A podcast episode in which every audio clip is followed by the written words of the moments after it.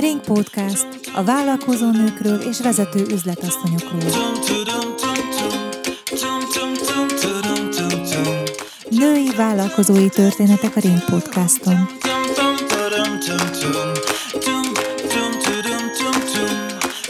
Ring Podcast két hetente a Spotify-on, a Google Podcaston és az Apple Podcast alkalmazásokon.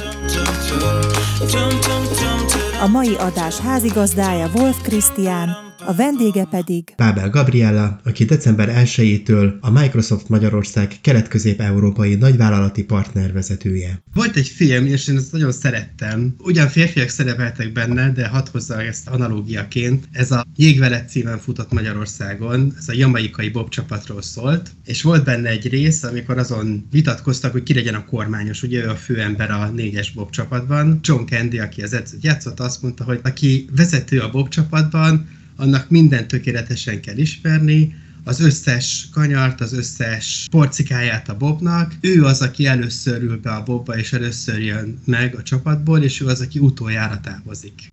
Ez igaz rád is? Ismered kell minden porcikáját a vállalatnak, és te vagy, aki először jössz, és utoljára mész? Nem hiszem, hogy kell. Erre senki nem kényszerít. Azt érzem, a lehető legtöbbet figyelek, és vagyok jelen, bármilyen értelemben, most ez digitálisan is igaz, akkor annál jobban tudom irányítani azokat a dolgokat, amik az én felelősség felelősségem. Ez nem kényszer, maximum belső kényszer. Ez csak egy analógia volt, mert ott viszont kellett. De te is ilyen munkamorállal állsz neki a dologhoz, ha már ilyen korán indulsz dolgozni, akkor gondolom igaz lehet az is, hogy ilyen későn hagyod el a vállalatot. És ez nem csak a munkában igaz, tehát ez ugyanúgy igaz hétvégén is. Nagyon korán kelek, és nagyon örülök, hogyha teljesen telt a napom, és nem maradt el semmi olyan, amit szerettem volna csinálni. Mi van a láblogatással, a kikapcsolódással, mi van azzal az én idővel? Azért dolgozom, mert van egy életcélom, és ez szerintem fontos. És jelenleg is a, az életcélom kellős közepén tartózkodom. Egy ilyen 7 hektáros öko gazdaság,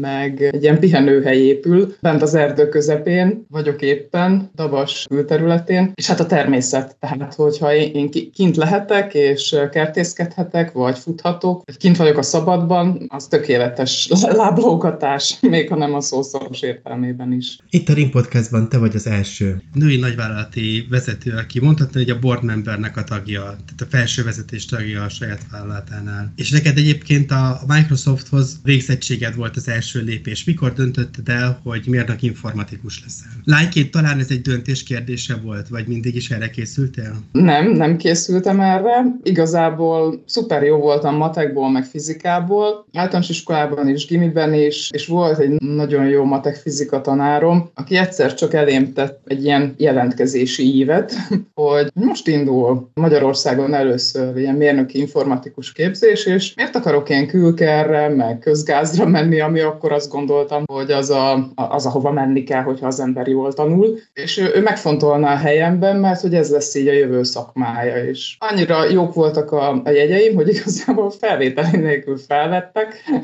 és akkor ez így nekem nagyon imponált így a, a nyár elején, hogy nem kell felvételi vizsgákat írnom, elég leérettségiznem, és egy egyenes út vezet, és ráadásul még a tanárom is azt mondja, hogy erre lesz az előre. Édesapám is ezt mondta, tehát nagyon jó tanácsadóim voltak valószínűleg, akik, akik látták ebben a jövőt. Egyébként nagyon bizarr, de ugye a nevem alapján Bábel Gabriella, az első informatikus mérnök vagyok az országnak, aki diplomát kapott a kezébe, mert egy névsor alapján kaptuk meg a tanúsítványt erről, hogy így, így jött. Miért gondoltad úgy, hogy közgázra kell menni annak, aki jól tanul?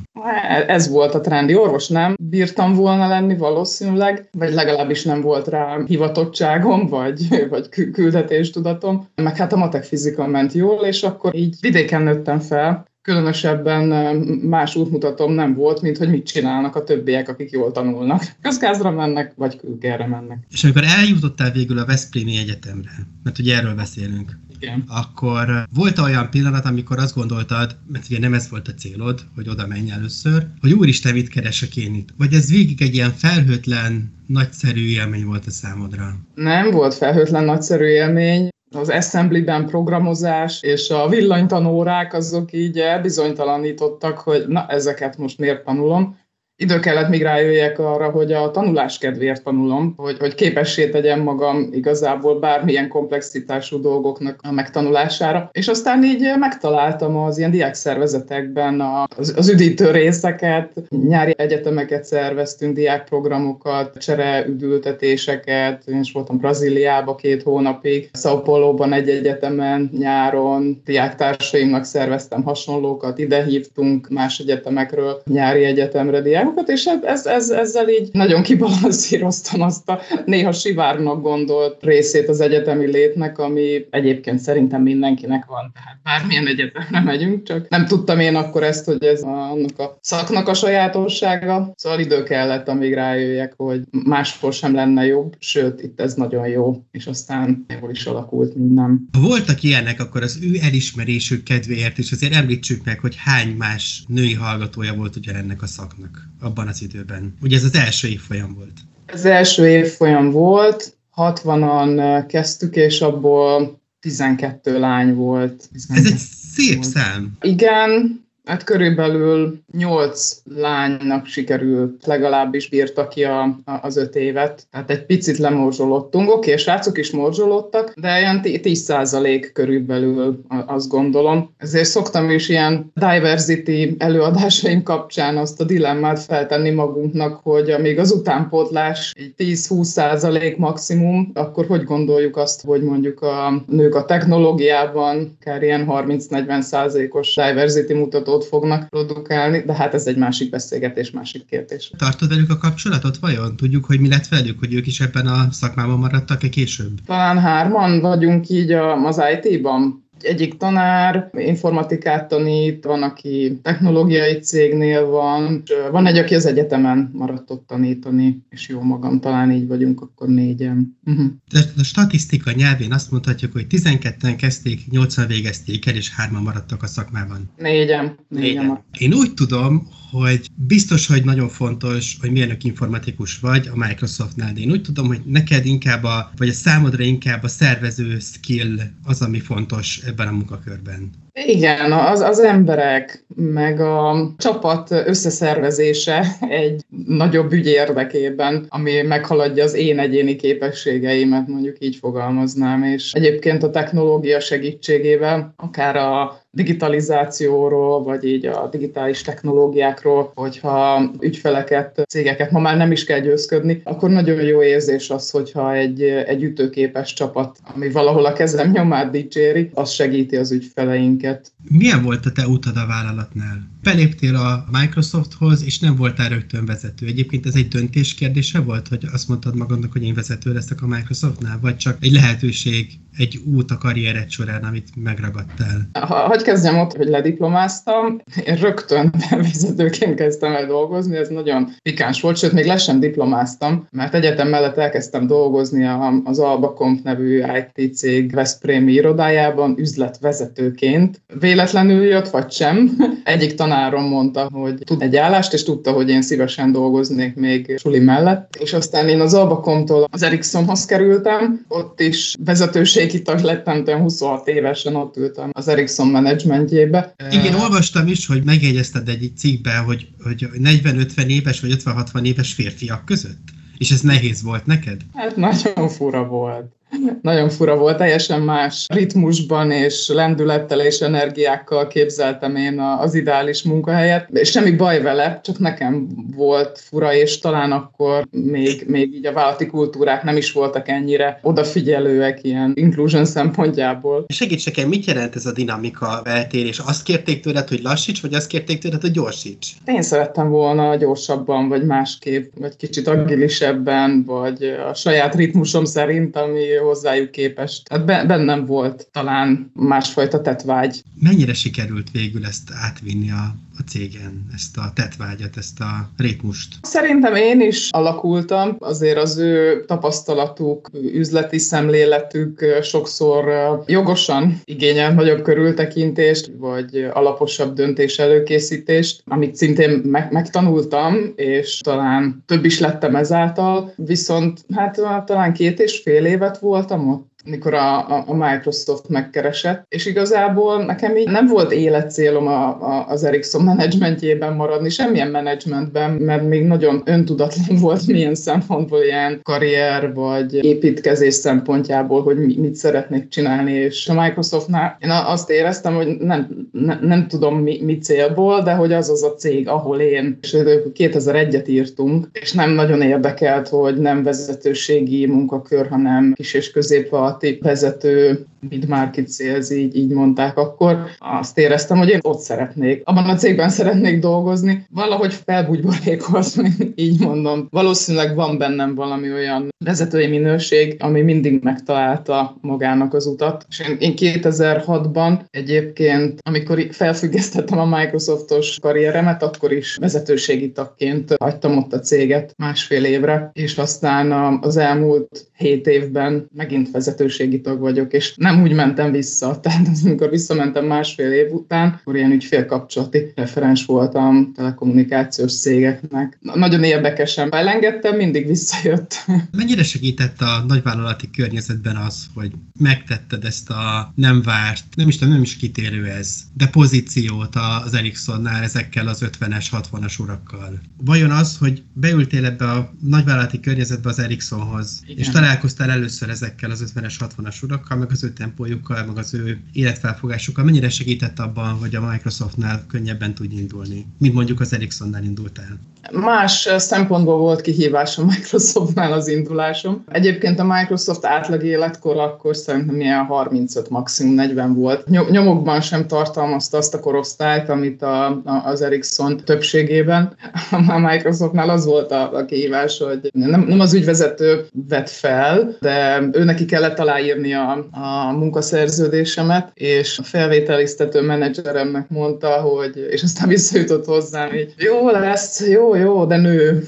Tehát, hogy akkor, akkor, akkor ez, a, ez a fajta nehézség volt az, ami a Microsofthoz kerülésemet így el, eléggé meghatározta, mert az volt az első szembesülésem ezzel, hogy, hogy, hogy nőként lehet, hogy, hogy másképp tekintenek a cégnél az emberre. Hát az Ericssonnál inkább a korom volt az, ami azt hittem, hogy ne, nem szokványossá tesz, a, a Microsoftnál pedig, vagy hát az IT cégnél meg a, meg a női mi voltam. Azt említetted, hogy a Microsoft ez a diversity kérdés, ez nagyon-nagyon fontos most. Egy nemzetközi, vagy a corporation irányából jövő kezdeményezés, de hát ahogy látom most már az egész világon, tehát Microsofttól függetlenül is elindultak ezek a női kvóták. Szerintem az odafigyelést mindenképp megérdemli, és amikor ez a hullám ez így elindult Microsofton belül, nem tőlem, de nagyon nagy örömmel segítettem ennek a sikerét a saját tapasztalatommal, meg a saját akár küzdelmeimmel ebben a minőségben. Hogyha rajtad múlna, te honnan kezdenéd akkor el azt az építkezést, hogy végül ez a férfi-nő egyensúly a nagyvállalati felsővezetőknél, vagy a STEM szakmákban, vagy bárhol máshol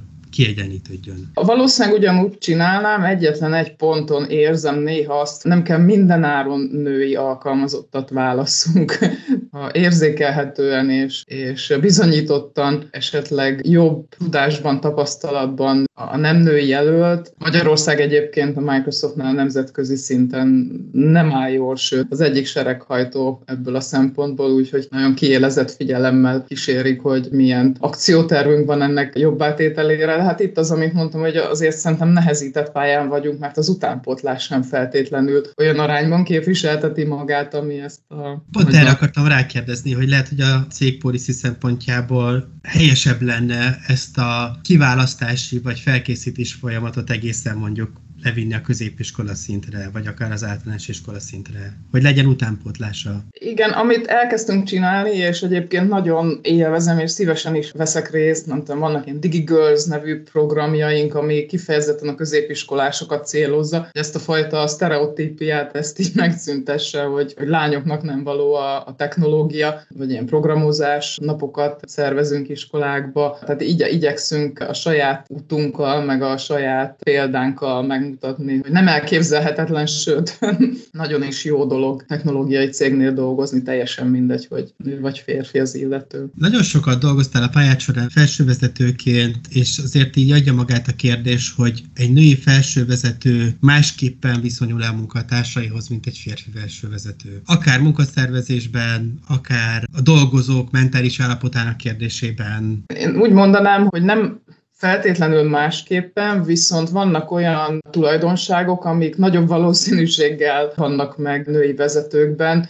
Én láttam férfi vezetőket is empátiával és nagy odafigyeléssel fordulni kollégák felé, és láttam női vezetőket nem empatikusan és megértéssel fordulni kollégák felé. Azt gondolom, hogy meg, meg tudjuk magunkat különböztetni női vezetőként, viszont ez nem igaz általánosságban. Azért muszáj megkérdeznem, ez csak hogy egy kicsit konkrétabbá teszünk, mondjuk, hogyha ha neked el kell küldened valakit a munkahelyről, azt te másképp kezeled szerinted, mint mondjuk egy férfi? Szerintem igen. Én nagyon, nagyon sok kollégába, aki kapcsán vaciláltunk, hogy mi lenne a jobb annak a kollégának, ha menne vagy maradna, és én úgy éreztem, hogy ha a személyes coachingon, vagy mentoringon, vagy akár közös development plan vagy útkeresésben tudok segíteni neki, akkor én azt, azt beleinvestáltam, és ezt nagyon kevésszer látom férfi vezetőknél, hogy így oda odafigyelnek arra, akinek esetleg az a bizonyos pozíció az nem a legtökéletesebb. Én, én segítem a következő lépéshez, nem feltétlenül.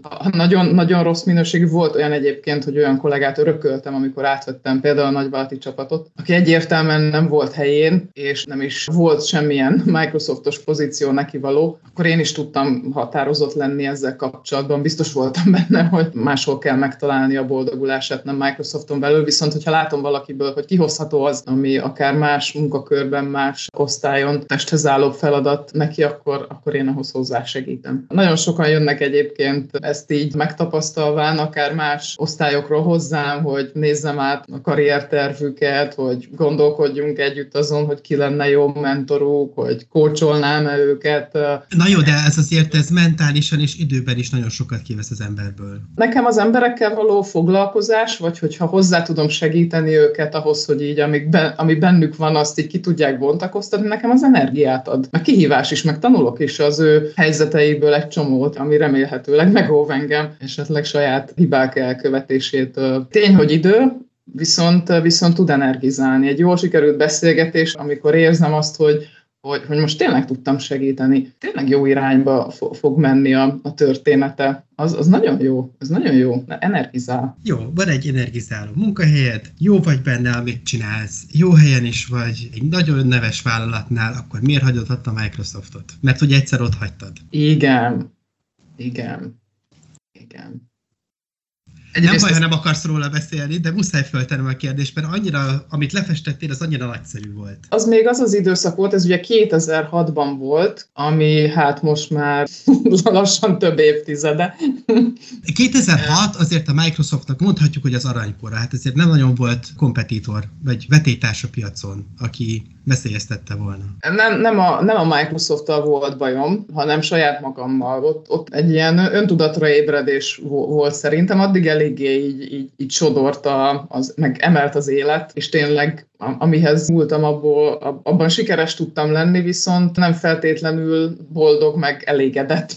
Meg kerestem valamit, ami miatt el kellett menjek, és ez alapvetően önmagam volt. Tehát, hogy hogy tudok úgy önmagam lenni egy cégnél, Microsoftnál jobbat nem találtam, hogy az örömet okozzon nap, mint nap. És az, az azért előtte nem volt meg. Én akkor ott elmentem a Kaminóra, meg sok ilyen saját, tehát ott adtam én időt magamnak majdnem másfél éven keresztül. Az egy, az egy nagyon jellemformáló időszak volt. Nagyon jó döntés volt, mert egészen másképpen állok azóta a helyzetekhez, munkához, saját magamhoz is. Mi volt a különbség akkor a két önmagad között, az önkeresés előtt és a, az után? Azt hiszem előtte nagyon meg szerettem volna felelni az elvárásoknak, kaptam egy feladatot, nagyon meg szerettem volna csinálni, hogy abba hiba ne legyen, és azt hiszem, hogy az elvárásoknak éltem. Most pedig pedig sokkal kevésbé, persze vannak feladatok, amiket meg kell csinálni, viszont sokkal jobban odafigyelek arra, hogy elsősorban a saját elvárásaimnak feleljek meg, és nem másokénak. De, ha jól emlékszem, vagy jól idézem fel, amiket olvastam, nem volt célod neked az, hogy visszamenj a Microsofthoz, miután ott hagytad.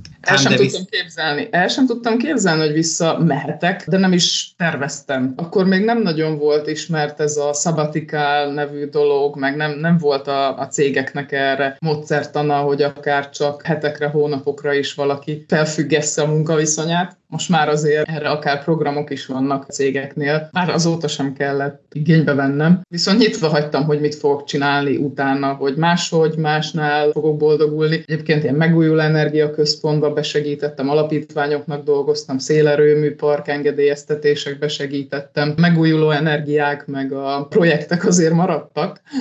És aztán egyszer csak megkeresett a Microsoft személyzeti igazgatónője az akkori, Debreceni Eszter. Ő annyira szeretett velem dolgozni azelőtt is, és tudja, hogy amin átmentem, az biztos, hogy csak a javamra szolgált. Ő hozna három munkakört, és hogyha van kedvem, akkor válasszam ki melyikbe, csak, csak dolgozzunk újra együtt. Melyik volt az, amit választottál? A nagyválti csapatban lettem a telekommunikációs cégeknek ilyen ügyfélkapcsolati menedzsere, account executive Most, hogy már itt tartunk, hogy újra visszakerültél a Microsofthoz, és már majdnem ott vagyunk, ahol a mai napon is beszélgetünk egymással, meg tudod mondani nekem azt, hogy mit tartasz a legnagyobb eredményednek az életedben, és mit tartasz a legnagyobb eredményednek a karrieredben? Akár megvalósult projekt, munka, bármi, akár csak egy kellemes reggeli ébredés. Az életemben a legnagyobb élmény és eredmény és öröm az, amit látok magam körül, ezt a, ezt a gazdaságot, tanyát, ahogy épül, szépül, és amilyen szív, szívderítő végignézni rajta. Talán ez, a, ez az önmegvalósításnak a lehetősége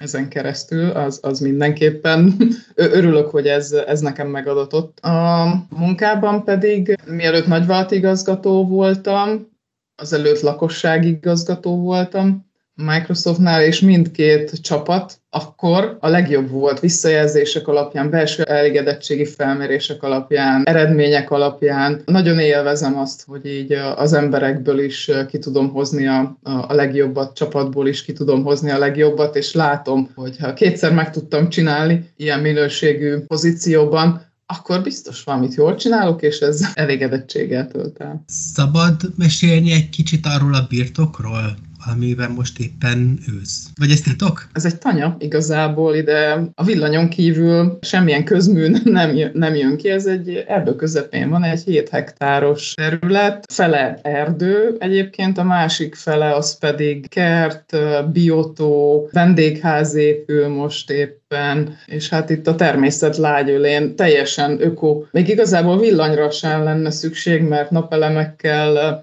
nullás energiájú házzá, meg területté sikerült alakítani. Ahogy Amerikán mondják, ilyen off the grid, tehát hogy ilyen minden közműtől mentesen egy teljesen önfenntartó hely épül, vegyszermentesen is, nem csak közműmentesen is. Ez egy gazdaság lesz? Itt terveztek valamilyen üzleti tevékenységet? Igen, igen, egy ilyen, néha azt gondolom, hogy ilyen menedzser pihenő is, tehát a vendégházba el lehet jönni, meg lehet nézni, hogy milyen a természetben, természettel együtt és összhangban létezni, hogy lehet önfenntartóvá válni. Nem hiszem, hogy piacra fogok paradicsomot Innen viszont minden, ami ahhoz kell, az, az meg, meg tud itt teremni, ami egy, egy önfenntartó élethez szükséges. Nem akarok túlságosan az életedbe vájkálni, de lehet, hogy ez egy visszavonulási terv is? Nem megvalósítási terv. Néha viccesen szoktam ilyen exit stratégiának hívni, de, de az inkább csak a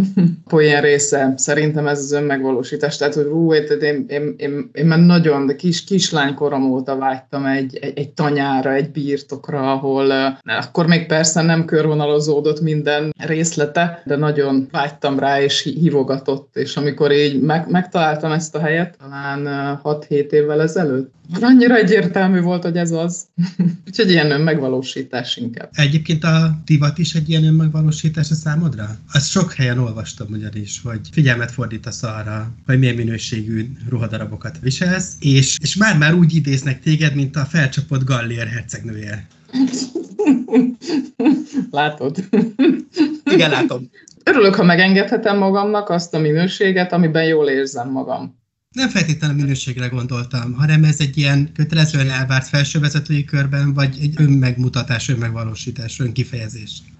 Inkább ilyen stílus. Szeretek stílusos lenni mindenben, öltözködésben is. Érzem, hogy mi áll jól, és érzem, hogy miben érzem jól magam, és, és valamire felcsapott gallér az, az ilyen uh, stílusjegyem. Ez máshol is egyébként megmutatkozik, hogy nagyon tudatosan rendezed így a környezetedet, vagy például az étkezésedet úgy intézed, hogy azt élvezd is? Érdekes, hogy rákérdeztél az étkezésre. A 17 éves korom óta vega vagyok. Ez azt is jelenti számomra egyben, hogy nagyon odafigyelek, hogy milyen minőségű kaját eszem, és mi az, ami nekem jó, és ezt nem kényszerből csináltam, és senkinek nem kényszer, szerintem mindenkinek érdemes meg, megtalálnia, vagy hallgatni az ösztöneire, hogy, hogy mit tegyen. Ilyen benzint tankoljon a saját testének a motorjába. És nekem a, a hús nélküli táplálkozás az szintén így örömet, meg energiát ad, és emiatt oda is figyelek arra, hogy tartalmasat, vitamin-dúsat, frisset, főleg, hogy itt saját kis kert is alakulgat. Tehát, hogy abból így meg lehessen azt a, azt a tápértéket minőségi módon szerezni a testemnek, amire szüksége van. Úgyhogy igen, a kaja is. Egy ideje egyébként én is kizártam a húsféleket az életemből. Az én számomra a döntés az azt hozta el, hogy nem nagyon szeretném, hogyha az én felmaradásom érdekében egy másik élőlény elpusztulna. Neked mi volt a döntésed hátterében? 17 évesen. Ugye én még egyszer vidéken nőttem föl, tehát itt, itt azért a, a, a disznótorok, meg a... Igen, nehezített pálya. Igen, igen, sőt, ez más tett természetessé, tehát annyira az,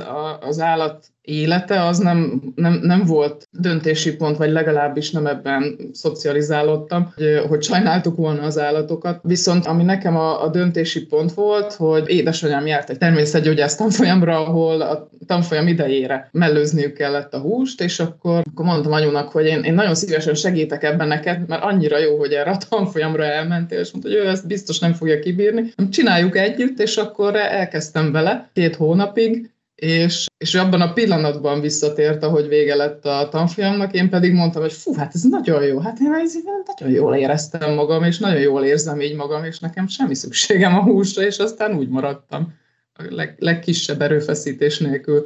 Úgyhogy nekem inkább e, elsősorban ilyen egészségi dolgok miatt, vagy, vagy azért, hogy így, így, így érzem jobban magam, nem mintha beteg lettem volna, akkor csak, csak valahogy azt éreztem, hogy ez sokkal jobb nélkül. Kerülőig lenne bennem nagyjából egy jó másfél-két napi beszélgetés kérdésekben, de sajnos nincs ennyi időnk, úgyhogy lassan a végére fogunk jönni ennek a beszélgetésnek. Úgyhogy engedd meg, hogy utolsó kérdésként, tekintve, hogy egy nagyon szép életút és egy nagyon szép karrierút van mögötted, megkérdezem, hogy ha tanácsolsz valamit egy most tizenéves pubertás korban lévő lánynak, aki nem is biztos, hogy álmodik valamiről, vagy nem is biztos, hogy azt gondolja, hogy odáig eljuthat, mint te, de mondjuk, hogy van valamilyen halovány vágya, akkor mi lenne a tanácsod?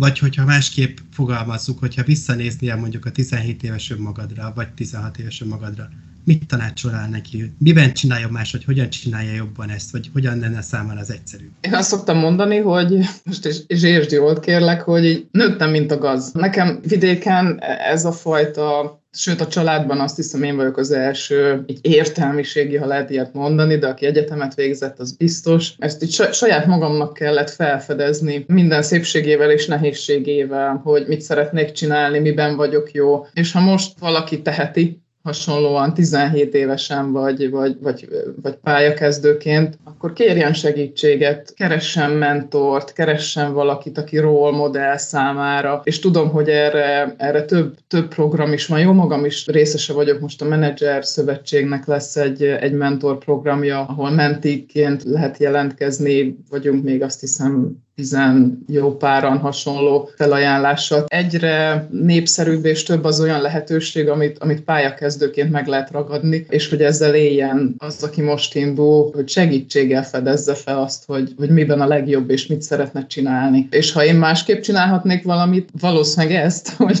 hogy bár, ahogy mondtam, így a matek fizika tanárom, édesapám, tehát nagyon jó tanácsadóim voltak, de ők inkább ösztönösen, amivel semmi baj nincs, de lehet ennél, ennél tudatosabban is elindulni az életbe, és segítséget kérni, hogyha van kitől.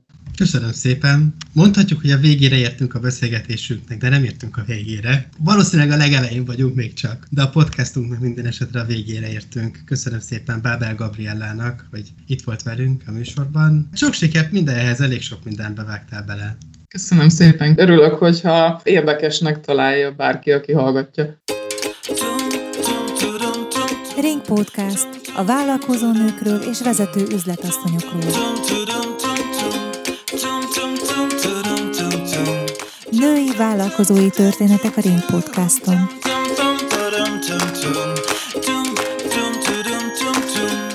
Iratkozz fel a Ring Podcast csatornájára a Spotify-on, a Google Podcaston és az Apple Podcast alkalmazásokon.